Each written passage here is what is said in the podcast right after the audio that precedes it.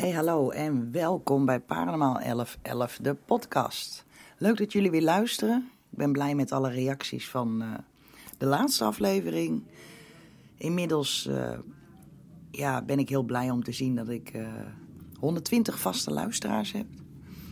En ik hoop dat dat gewoon blijft groeien. En iedereen kan er wat aan hebben. Je haalt er voor jezelf uit wat jij belangrijk vindt.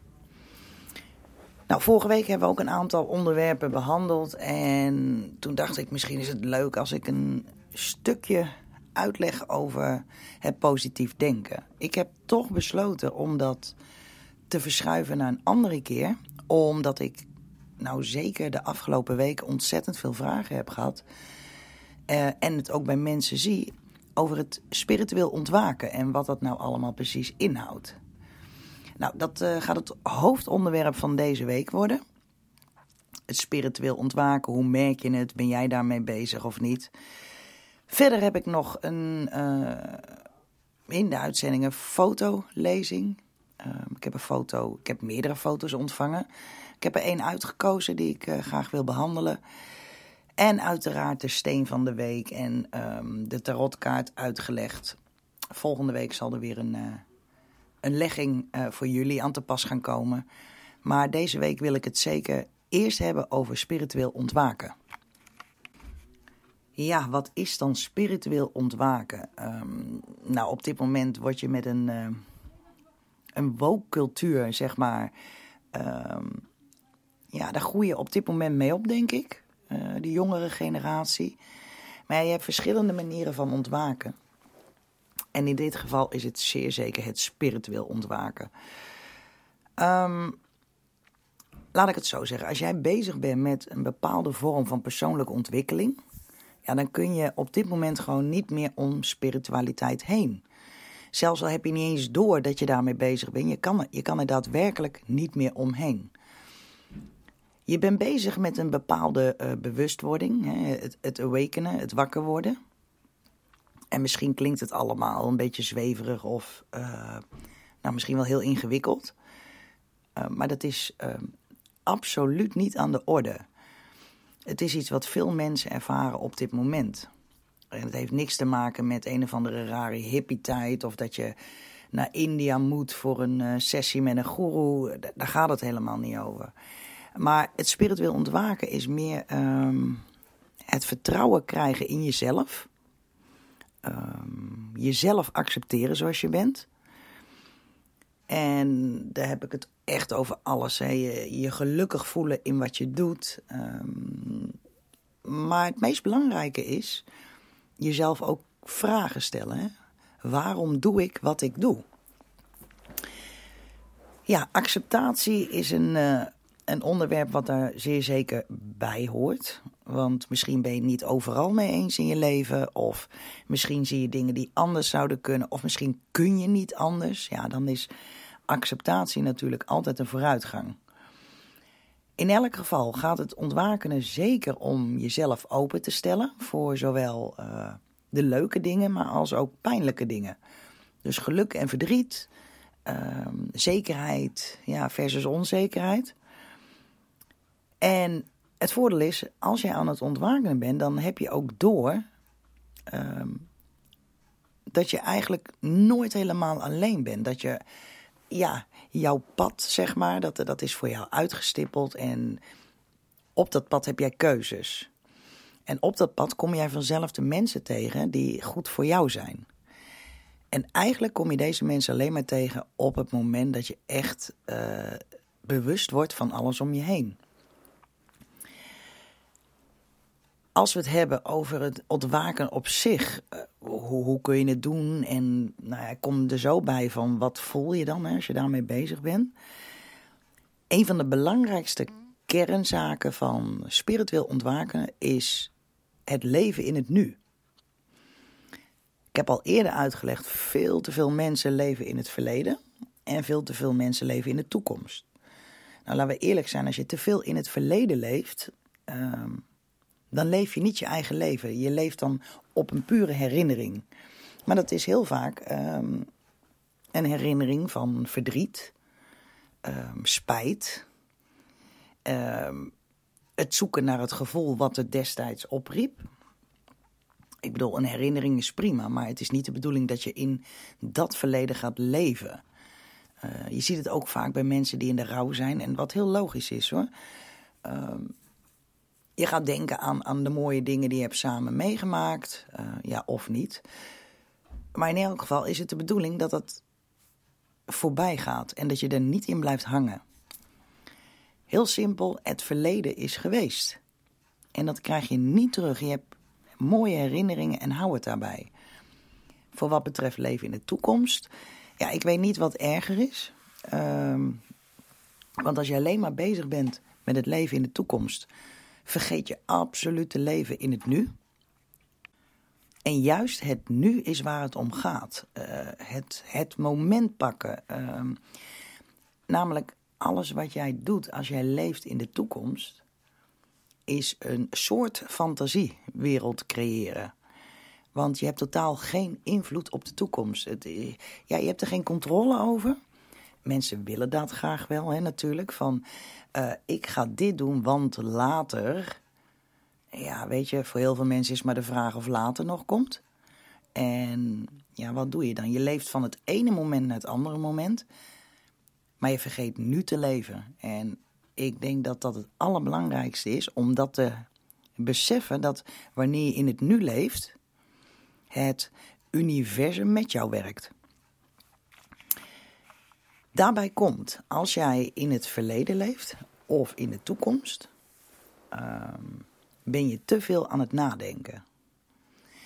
En ik blijf erbij dat denken um, is lijden. Als jij constant aan het denken bent en aan het malen bent, dan ben je gewoon aan het lijden. Uh,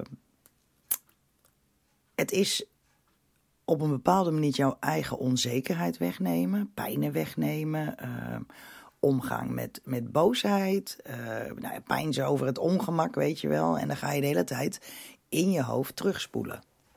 Of die mensen die in de toekomst leven, die zijn aan het vooruitspoelen. Dus je trekt jezelf leeg van energie om op deze manier met je leven om te gaan. Weet je, iedereen in zijn leven heeft ervaringen, heel simpel. En, maar ervaringen die je nu beleeft, die zijn in het nu. Het mooie is, als het je nu overkomt, oordeel je er ook niet gelijk over. Ik bedoel, het, het, het gebeurt in één keer, uh, zonder verwachting, zonder teleurstelling. Dus het is er. Het is een, een, een, een, rauwe, een rauw moment. Ik bedoel, je kan nog zo'n mooie foto maken, maar je kan hem ook nabewerken. Um, dan was dat niet meer in het nu, dus dan geef je er een andere lading aan. En ik zeg wel eens vroeger, als iemand een foto maakte zonder het digitale tijdperk, dan was dat puur het vastleggen van het moment. Nou, dat is ook de bedoeling als je spiritueel aan het ontwakenen bent, om jouw moment vast te leggen. Want kijk, je gedachten en je gevoelens die je nu ervaart, dat is niet per definitie de waarheid. Het is jouw perceptie van hoe je dingen ervaart. En het wil helemaal niet zeggen dat het ook daadwerkelijk zo is. Um, ze komen in je op, hè, de gedachten. Maar het is gewoon ons, ons brein is een lopende machine die de hele dag door indruk aan het verwerken is. Um, maar als we nou echt gaan luisteren ernaar, wordt het een ander verhaal. Je kan bijvoorbeeld ook in de natuur lopen. En je loopt stug door. En misschien ben je dan nog aan het malen. Wat je dan dus niet hoort, zijn die mooie vogels. Misschien in het buitenland de krekels. Een zuchtje wind, een beetje water. Um, dit soort uh, intuïties versterk je op het moment dat je probeert je hoofd even leeg te maken van al jouw gedachten, je vooroordelen, uh, je verleden, je toekomst. Het mooie is, als je die gedachten even op laat komen en je bent je ervan bewust, uh, hoef je ze ook niet te ontvluchten. Want ze komen spontaan op en deze verdwijnen ook spontaan weer, waardoor het niet zoveel energie kost. Um, weet je, het beste hoe ik het kan verwoorden, ga met je gedachten om alsof het geluiden zijn. als het een lekker fris nieuw geluid is, of, het is het geluid van de vogels, dan laat je het toe. Ehm, of het geluid van de zee. Ehm, als het wind is en die staat te hard en je vindt het niet fijn, dan luister je er niet naar. Eigenlijk komt het daar wel een beetje op neer. Het belangrijkste is misschien ook wel een besef hebben van. En dan spreek ik uit ervaring met, ja, met al mijn readingen en sessies. Van luister, besef nou, er is geen tijd. Wij, wij, wij, tijd is ons opgedrongen. Uh, hierna is geen tijd. En er is dus eigenlijk nooit, en daar gaan we, nooit een nooit, maar er is ook geen altijd. Ik bedoel, niks is voor altijd en nooit bestaat niet. Het is oneindig. En als we dat nou gaan beseffen met z'n allen, dan gaan we heel hard in het spiritueel ontwakenen. Um, ik moet heel eerlijk zeggen, als je de wet van het universum, waar ik het in eerste instantie over wilde hebben, maar dat ga verschuiven. Als je dat toepast, is het belangrijk om het woordje nooit uit je vocabulaire te schrappen. En het woordje altijd ook. Je hebt wel eens van die mensen die zeggen: Oh, ik ben altijd zo moe. Ja, dan zul je ook echt niet beter gaan voelen. Of ik krijg nooit een kans om dit of dat te doen. Nou ja, herhaal dat maar lang genoeg. En geloof maar in het woordje nooit, want dan ga je het ook niet krijgen. Nou, de mensen die echt aan het ontwakenen zijn, die zijn zich er langzamerhand uh, van bewust aan het worden. Maar ja, of dat ontwakenen nou zo prettig is, als ik vanuit mezelf spreek, uh, is het antwoord nee. Absoluut niet. Het heeft bij mij heel veel onrust veroorzaakt, uh, heel veel twijfel, uh, onzekerheid van welke kant wil ik op, welke kant wil ik niet op. En ik weet zeker dat de meeste van jullie die nu aan het luisteren zijn, ditzelfde ervaren op dit moment. Um, en ik denk met name wel een beetje mensen tussen de 35 en 50 jaar, die hebben daar ja, meer moeite mee dan anderen. Dat is gewoon een feit. En ik ga je zo zeker uitleggen hoe dat komt. Ja, waarom haal ik nou juist deze doelgroep aan? Nou, het is namelijk een doelgroep waarvan ook vaak wordt gezegd. Hè, ze gaan richting de 50, ze zijn de 40 gepasseerd en dan is het van.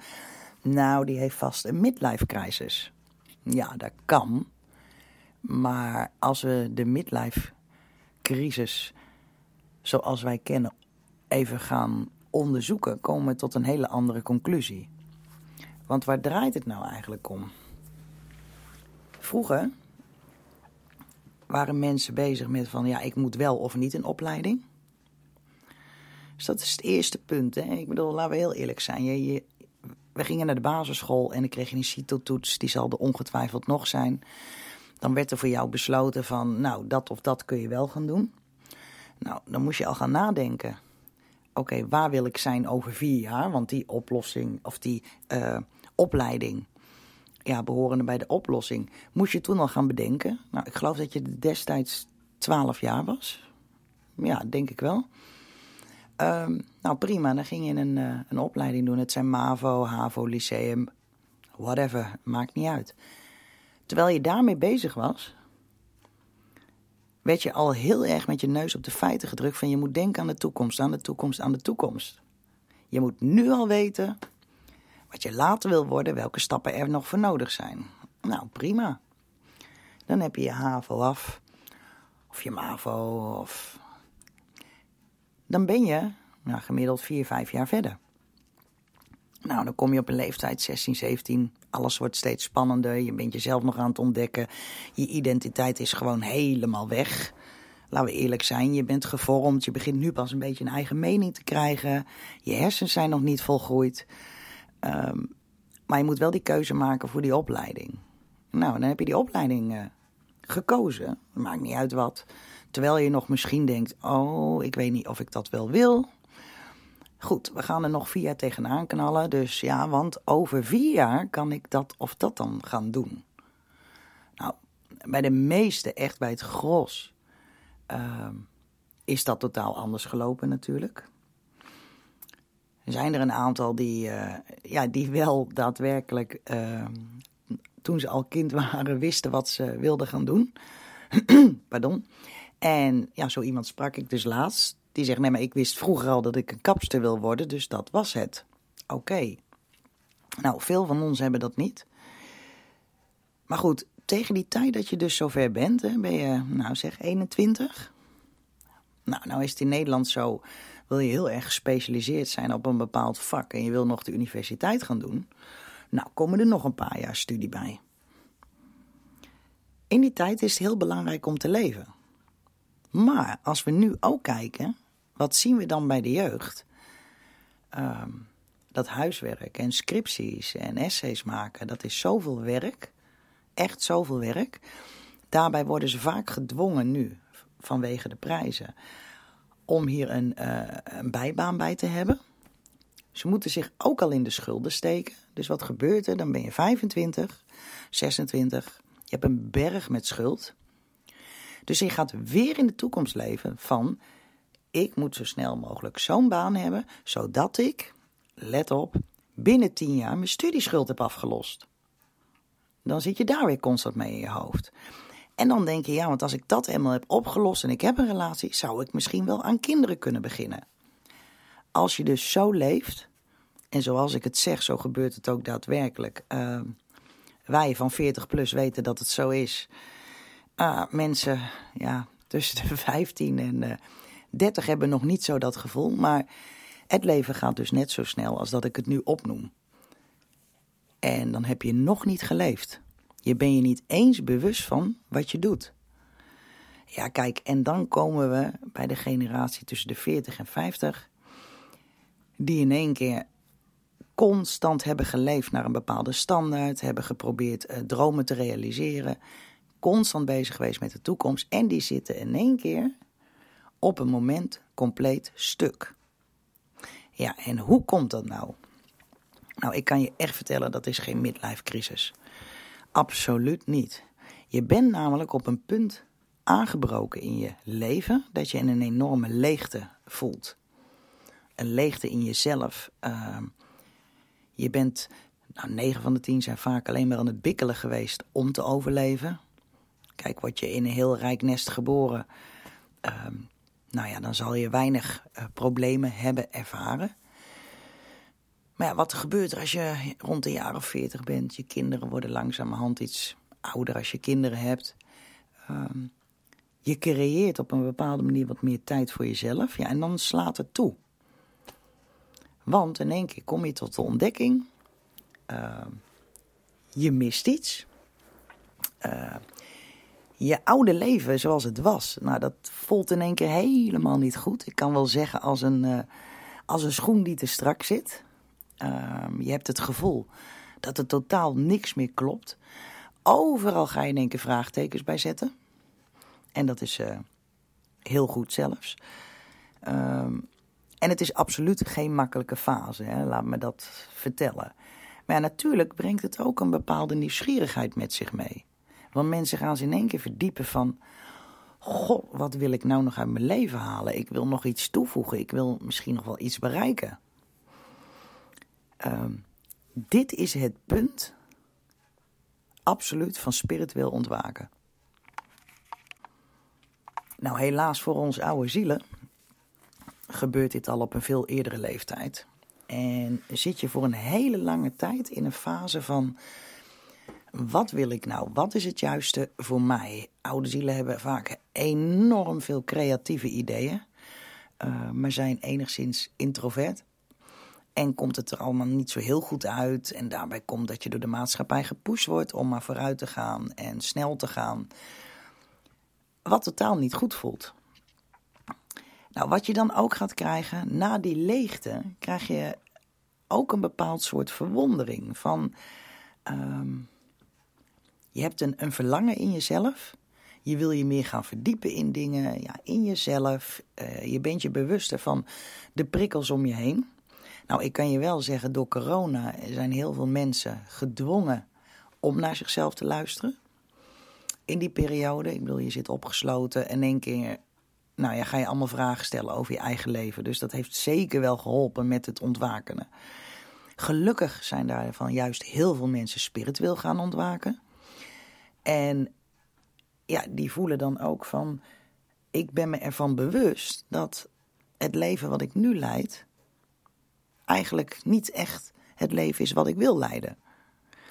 Dus die gaan in één keer rigoureus veranderen. En als je met spiritueel ontwaken bezig bent, dan gaat het met veel onrust, slecht slapen. Uh, maar je krijgt ook in één keer momenten met hele heldere gedachten van, nou misschien moet ik dat maar eens gaan doen. En dan heb je nog een groep die daarna gaat luisteren. En je hebt een groep die dat uitspreekt ten aanzien van een partner of familie. En zich dan nog meer teleurgesteld voelen. Want het enige wat ze te horen krijgen is van... nou, volgens mij zit je in een midlife crisis of zo. Ja, en dat laatste is natuurlijk best, best heel vervelend. Je, je, je stikt in één keer van de ideeën. Na een periode waarvan je helemaal niet wist... wat, wat moet je nou met jezelf? Wat moet je met je leven? Wat wil je? Uh, je bent op zoek naar verandering. Nou, en dan zijn er ook nog een aantal mensen die niet met je meegroeien. En ik denk dat dat wel bijna het lastigste is wat je dan kan overkomen. Want dan ga je weer, dan ga je heel erg alleen voelen. Die leegte is er, maar die leegte dient opgevuld te worden. En dat, ik kan het niet anders uitleggen dan dat het een leegte is op ziels, zielsniveau. Het gaat zo diep dat het soms bijna niet uit te leggen is. Maar je weet, intuïtief weet je, er ontbreekt iets in mijn leven. Ja, kijk, en soms is het spiritueel ontwaken uh, ja, niet maar één helder inzicht, maar het kan een hele serie achter elkaar zijn. Kleine dingetjes. Het universum uh, stuurt je boodschappen, stuurt je tekens. Het wordt steeds helderder, maar het kan echt wel jaren in beslag nemen. Wat ik dan heel belangrijk vind uh, voor iedereen uh, die in deze fase zit en denkt van hé, hey, het lijkt wel of ik uit mijn comfortzone word getrokken. Ik voel me niet meer fijn in mijn eigen leven. Wil ik nog wel bij mijn partner blijven? Wat moet ik nu? Moet ik van baan gaan veranderen? Uh, anderzijds, ik wil ook nog wat van de wereld zien. Moet ik dat nu doen? Of moet ik maar wachten tot de toekomst? Nou, voor al die mensen die zo vastzitten, uh, onthoud hè, dat als je hier doorheen gaat, dat elke emotie die je voelt, die gaat veel dieper dan dat het ooit uh, zo heeft aangevoeld. Je levensovertuigingen gaan ook veranderen. Je blik op bepaalde dingen gaan veranderen. En kijk om je heen. Hè. Uh, we hebben een krant. Iedereen heeft een krant. Hoeveel fake nieuws er de afgelopen jaren in de krant heeft gestaan. Um, en dan heb ik het niet over corona of. Dat speelt ook mee. Ik bedoel, daar werd ook heel veel over verzonnen. Maar heel veel mensen gaan in één keer nadenken over iets wat ze al jaren als vanzelfsprekend hebben aangenomen. En komen dan in één keer tot de conclusie: Goh, het is toch eigenlijk heel anders dan dat ik dacht. Nou ja, ik heb daar zoveel dingen van meegemaakt dat ik denk. En dat zette mijn hoofd ook wel eventjes uh, op een standje waarvan je denkt van jongens, dit is te veel informatie om in één keer te kunnen verwerken. De meesten die hier doorheen gaan hebben dit allemaal. Um, en dan komt het jouw levensovertuigingen veranderen. Want je voelt intuïtief dat het ook het juiste is. Maar als je omgeving daar niet in meegaat, uh, wordt het een heel gevecht. Mensen die aan het ontwaken zijn, krijgen ook een sterk verlangen uh, naar spiritualiteit en zelfontwikkeling. Ze willen echt uh, meer over van alles weten. Ze willen het eigenlijk ervaren. En ik zie ook echt wel steeds meer mensen die de meest vreemde dingen overkomen. Het hadden ze eerder niet voor mogelijk gehouden, waren vrij sceptisch ten aanzien van spiritualiteit. En in één keer lijkt alles op zijn plek te vallen. Nou, wat er ook kan gebeuren, en wat vaak gebeurt, is je verliest je interesse in bepaalde materiële zaken. En dat is een heel goed iets. Ik bedoel, het is niet zo dat je nou moet ontspullen overal. Uh, dat is voor degene die dat wil. Maar bepaalde interesses verdwijnen in één keer naar de achtergrond. Waarvan je vroeger dacht van nou, laten we eerlijk zijn. Ehm, net zoals de mobiele telefoons die toen net uit waren. Iedereen wilde eigenlijk wel een nieuwe mobiel als je weer kon verlengen. Die interesse wordt steeds minder. En dat merken we ook gewoon daadwerkelijk aan alles. En dat komt gewoon omdat heel veel mensen uh, met andere dingen bezig zijn. Dan heb je ook nog een hele groep uh, die gezonder wil gaan leven en meer uh, voor het lichaam wil zorgen. die groep heb je ook in de spirituele ontwakende mensen. Je hebt ook natuurlijk een hele andere groep en dat zijn extreme sportfreaks, wat niet erg is hoor. Um, maar dat staat wel even los van het spirituele. Um, wat ook verbazingwekkend is, de mensen die in een rap tempo gaan, zijn zich meer bewust van de natuur om ons heen.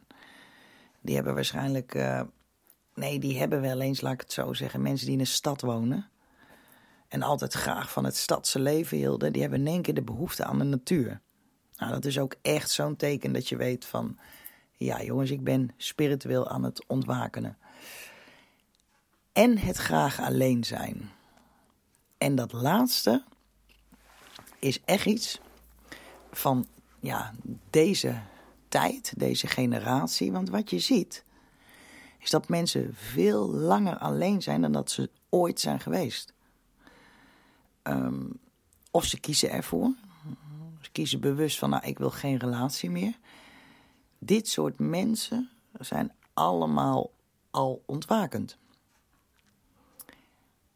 En dan geldt het voor de laatste groep, hè? die mensen die nu dat al hebben. Het waren al oude zielen en die zijn in een rap tempo gegaan. En die hebben nu zoiets van: Weet je, ik moet me eerst ook alleen kunnen vermaken. Voordat ik ook anderen toelaat. Of ik wil me terug kunnen trekken. Ik wil een eigen plekje hebben. Hoeveel luisteraars zullen er op dit moment niet zijn die zeggen van... ik wil een eigen kamertje hebben in mijn huis. Dat ik me toch even terug kan trekken van mijn gezin. En misschien wel mijn eigen hoekje waar ik iets leuks kan doen. Het zij creatief, het zij iets spiritueels. Nou, dat zie je steeds meer in deze tijd. Nou, dit zijn allemaal tekens dat uh, jij bezig bent met spiritueel ontwaken. En dan heb ik nog wat um, adviezen voor je als je hiermee bezig bent. Want ik weet gewoon heel zeker dat heel veel van jullie dit allemaal zullen herkennen. Um, het belangrijkste advies, ik zei het helemaal in het begin al, is uh, het nadenken over je eigen waarom. En wat bedoel ik daarmee? Waarom doe jij wat je doet? Dat is je eerste stap om te realiseren waar je mee bezig bent en dat je iets kunt veranderen. Ik bedoel, ik heb dat ook wel gedaan. En pas als je daarover na gaat denken, denk je van nou, dat is ook raar dat ik dat altijd zo heb gedaan. Dat was eigenlijk helemaal niet handig, bijvoorbeeld. Uh, het is ook belangrijk om je bewust te zijn van je persoonlijke waarden die je hebt. En uh, gedraag je dan ook naar die waarden. Want hoe je bent, zul je dan ook weer gaan aantrekken.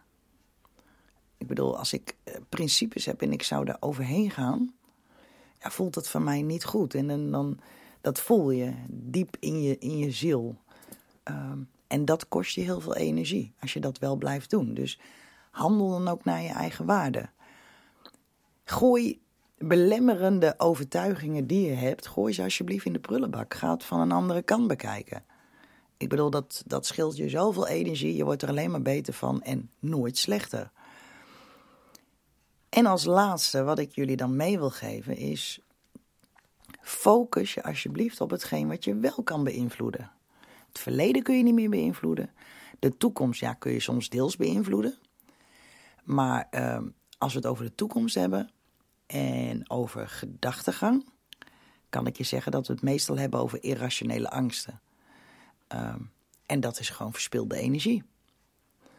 Nou, ben jij nou ook in deze fase? Uh, nou ja, wees gerust, de fase gaat over. Maar laat je maar eens leiden door je eigen ziel en je intuïtie. En kijk wat het brengt. En neem van dit alles mee wat je mee wilt nemen. En je zal zien dat er heel veel moois op je pad gaat komen. Nou, dat was een, uh, een behoorlijk onderwerp van de week, denk ik. Het heeft aardig wat geduurd.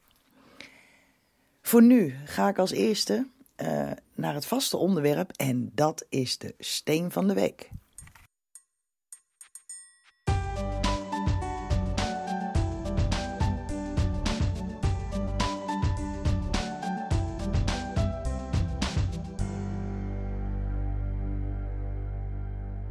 De steen van de week. Ja, ja. We hebben een hele mooie deze week. En dat is de obsidiaan.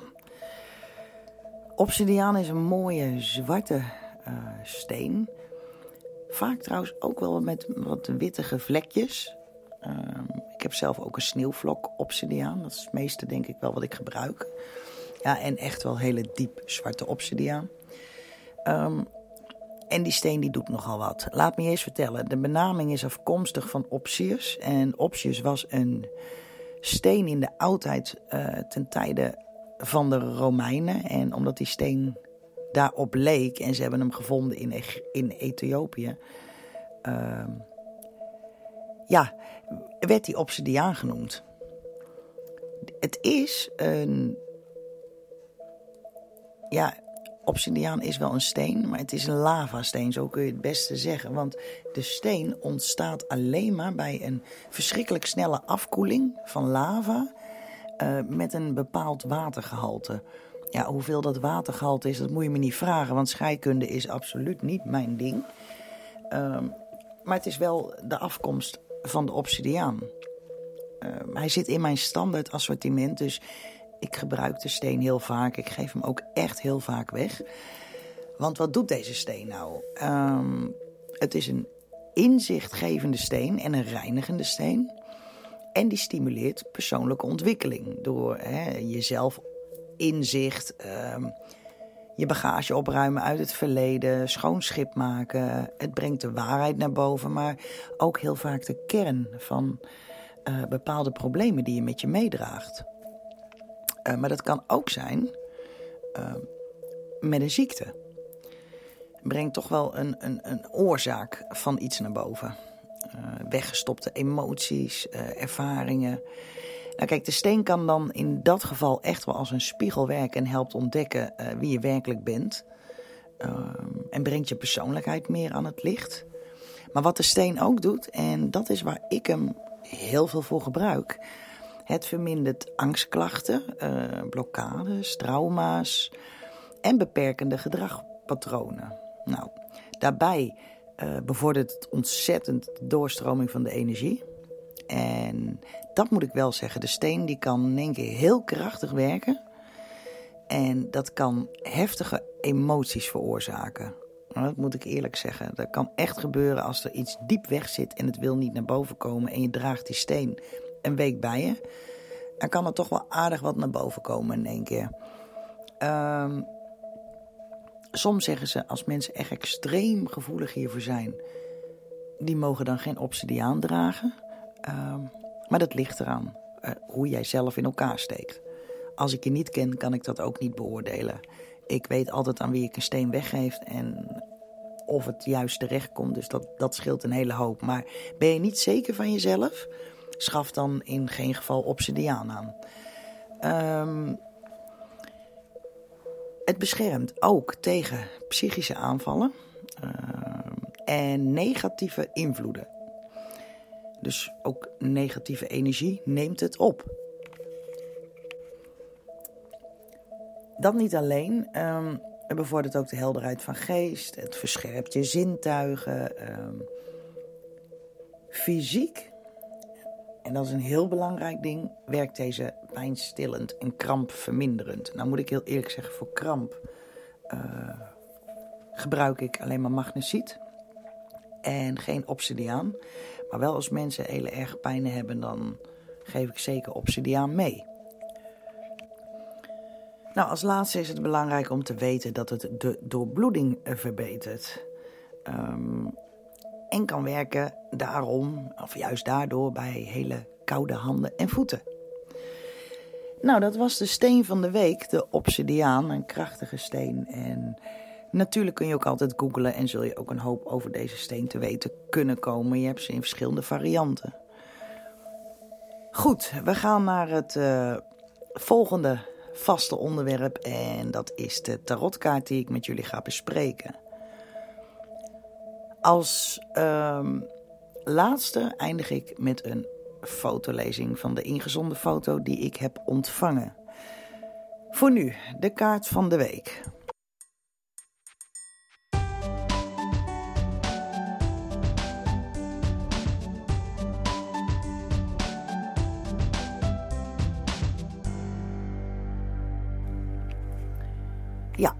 Voor velen zal het geen verbazing zijn, mocht je met tarot bezig zijn, dat uh, de vierde kaart is de keizerin.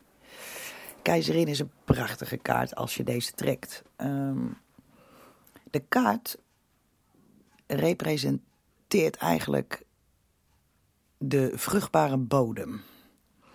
Hij staat ook voor moederfiguur, hij staat voor vruchtbaarheid uh, en voor creativiteit. Denk daarbij weer hè, aan nummer drie. Hè.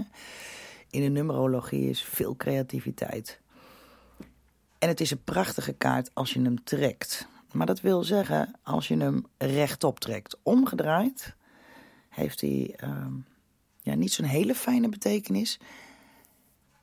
Uh, staat hij eigenlijk voor een enorme creatieve blokkade. Maar dat niet alleen, hij kan ook staan voor onvruchtbaarheid. En onvruchtbaarheid kan dan zowel uh, lichamelijk zijn als met plannen die je hebt die gewoon niet vruchtbaar zijn in de toekomst. Dus let er altijd op hè, of je de kaart uh, recht trekt of dat die op zijn kop staat, ondersteboven. Um, dat verandert een hoop aan, aan de interpretatie van deze kaart. Nou, als ik een beetje naar het algemeen kijk van de keizerin, uh, hoe ik hem altijd interpreteer en hoe ik ermee werk. Um, kijk, de keizerin is, is een natuurlijke kracht die steeds weer nieuw leven schept. Er komen steeds nieuwe dingen, uh, groei. Uh, vruchtbaarheid. Dus daadwerkelijk op elk niveau. En een enorme artistieke creativiteit. Um, hij staat echt voor een persoon waarvan ik dan denk van... nou, je hebt zoveel goede ideeën. Doe er absoluut wat mee. Je, je hebt het in je vingers om van iets kleins iets groots, groots te maken. Um, maar ze staat ook zeker voor uh, de kracht en de natuur uh, die iemand kan bezitten. De levendigheid en de groei. En in een enkel geval, als die echt in de toekomst staat um, en de persoon zou 60 zijn, dan zou ik zeggen: Nou, de kans is ontzettend groot dat jij een kleinkind krijgt. Het kan ook daadwerkelijk staan voor een geboorte in de toekomst. En het gebeurt ook heel vaak. Um, heel soms door dat ze zo creatief is en zoveel nieuwe ideeën heeft. Um, is dit ook vaak een persoon die uh, gebukt gaat onder pijntjes. Ik kan dat niet anders uitleggen dan, dan op deze manier. Dit is wat ik heb ervaren in de afgelopen 25 jaar. Dus uh, ja, goed. En met zoveel leggingen, dan weet je wel of dit klopt, ja of nee. Maar het is echt zo. Deze mensen hebben vaak, uh, als die echt voor de persoon staat, uh, pijntjes. Ze zijn ontzettend creatief, hebben heel veel vindingrijke ideeën. Maar weet je, gaan, vaak gebukt onder pijn in de handen, pijn in het hoofd, pijn in de knieën. Of dat toeval is? Nee, het is geen toeval. Niet nadat ik zoveel leggingen heb gedaan. In het werk um, zie je daar dan ook, hè, als iemand werkt en een vraag heeft over het werk en ze trekken de keizerin. Dan zie je ook dat er veel vernieuwingen gaan komen op het werk. Maar um, ook dat er veranderingen kunnen plaatsvinden. En niet iedereen kan daarmee overweg. Dus dan is het belangrijk om de kracht van de keizerin zeer zeker aan te boren in jezelf. Want het is een hartstikke goede kaart, dus het komt uiteindelijk wel goed. Je moet er eventjes doorheen. Ja, en als we dan naar de liefde kijken, dan zeg ik ja, weet je, uh, dit wijst naar, naar nieuwe ontwikkelingen, leuke ontwikkelingen. Als je al een partner hebt, dan ga je samen leuke dingen doen. Je, je blaast de liefde nieuw leven in. Heb je nog geen partner, dan kan het heel goed zijn dat hij uh, langzamerhand op jouw weg gaat komen. Um, het kan ook daadwerkelijk zijn dat jij in verwachting raakt als je deze kaart trekt. Natuurlijk, mits je een vrouw bent. Ehm, de keizerin, ja, dit staat eigenlijk uh, voor iedere vorm van verandering, vernieuwing of groei. En echt heel vaak ook in de zin van familie. Dus al met al een prachtige kaart. Um, nou, ik geloof dat we er nog uh, eh, 17 te gaan hebben, maar dat moet helemaal goed komen. Ik hoop dat ik genoeg onderwerpen heb voor 17 podcast. Ook dat gaan we beleven. Ik wil uiteindelijk toch de podcast in een iets andere vorm gaan gieten met meer interviews en ja, dat je niet alleen mij hoort. Laat ik het zo zeggen. hey, we komen aan bij het laatste item van vandaag, want het was natuurlijk een hele lap tekst. Um, dus ik ga gewoon afsluiten met de foto die ik heb ontvangen. En die ga ik nu even behandelen um, zonder de naam te noemen. Dan weten jullie dat alvast.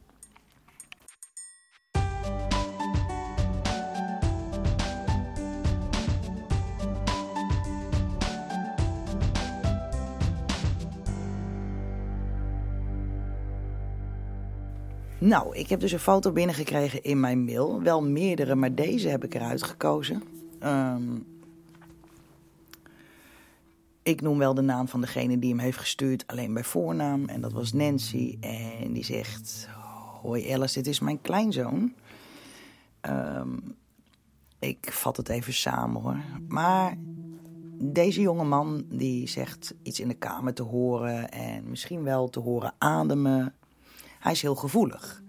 En naar aanleiding van de vorige show over oude zielen. Um, is zij, denk ik, er staat niet daadwerkelijk een vraag in, maar benieuwd van joh, is dit nou de waarheid of niet? Nou, ik heb dit jongetje bekeken en zonder zijn uh, privacy te schenden, uh, heb ik gezien dat deze jongeman heel druk is in zijn hoofd.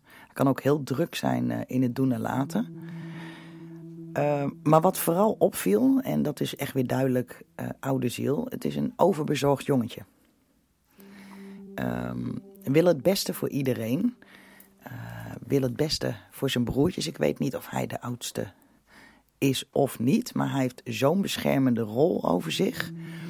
En dat, ja, dat zie ik dan ook op de foto. Hij wordt ook daarmee aangestuurd door een oudere man. En ik vermoed of het zijn opa is of zijn overgrootopa, dat kan ik niet zeker zeggen. Het is wel een man. En die staat hem daar uh, vaak bij. Toen ben ik me wel gaan focussen op wat jij schreef. Van het, hij denkt iemand te horen ademen in de huiskamer. Ik moet heel eerlijk zeggen dat ik echt me hierop heb gefocust. En dat niet naar boven kon halen. Dus wat mij eerder logisch lijkt, en zo voelt het, laat ik het dan zo zeggen, is dat hij zich heel bewust is van de spiritwereld. Maar hij is zo angstig, Nancy, want dat kan ik je echt zeggen. Uh, dan is iets in je hersenen gauw getriggerd. Hè? Het is het kip en het ei verhaal. Uh, wat was er nou eerst? Kwam eerst het onrustige gevoel en toen angst? Of word je uh, door angst onrustig bijvoorbeeld? Nou, dit speelt bij hem ook. Um, het is niet dat hij het zich helemaal inbeeldt, maar hij neemt energie waar, waardoor hij dat automatisch omzet in iets met betrekking tot geluid. En in dit geval is dat het het ademen van een oudere man. Dat hij die oudere man voelt, ja, dat is heel goed mogelijk, want het is uh, zijn begeleider. Um, wat ik ook zie is dat hij een bijzonder zacht karakter heeft. Um, maar als laatste, wat ik je wel mee wil geven, is dat hij zich echt, echt wel alleen voelt. Hij voelt zich echt heel vaak alleen. En dat heeft niet alleen te maken uh, met het feit dat hij een oude ziel is. Maar het lijkt erop alsof hij zich ook vaak onbegrepen voelt en een soort van verlatingsangst heeft. Dus dat vind ik wel bijzonder. En dat geef ik je ook mee van hou daar in ieder geval rekening mee. Nou, ik hoop wel dat ik jouw uh, ja, vraag kan niet echt zeggen of dat nou een vraag was, maar dat ik me beantwoord. En anders hoor ik het graag van je. Dan uh, beantwoord ik een ja, exacte vraag alsnog. Nou ja, goed, dit was aflevering 4. We gaan hiermee afsluiten. En met 30 graden denk ik ook wel dat ik het niet langer ga maken. Volgende week zal de podcast waarschijnlijk niet op een dinsdag of op een woensdag zijn, maar eerder op een donderdag. Uh, dit heeft er echt mee te maken hoor, dat het uh, gewoon en heel warm wordt en ik een hele drukke week voor de boeg heb. Dat die de volgende week staat, dat is, een, uh, dat is één ding wat zeker is. En dan gaan we even kijken wat, uh, ja, wat de onderwerpen daarvan zullen worden. En ik vermoed wel iets met de wet van de aantrekkingskracht, um, zodat jullie daar ook gelijk mee aan de slag kunnen.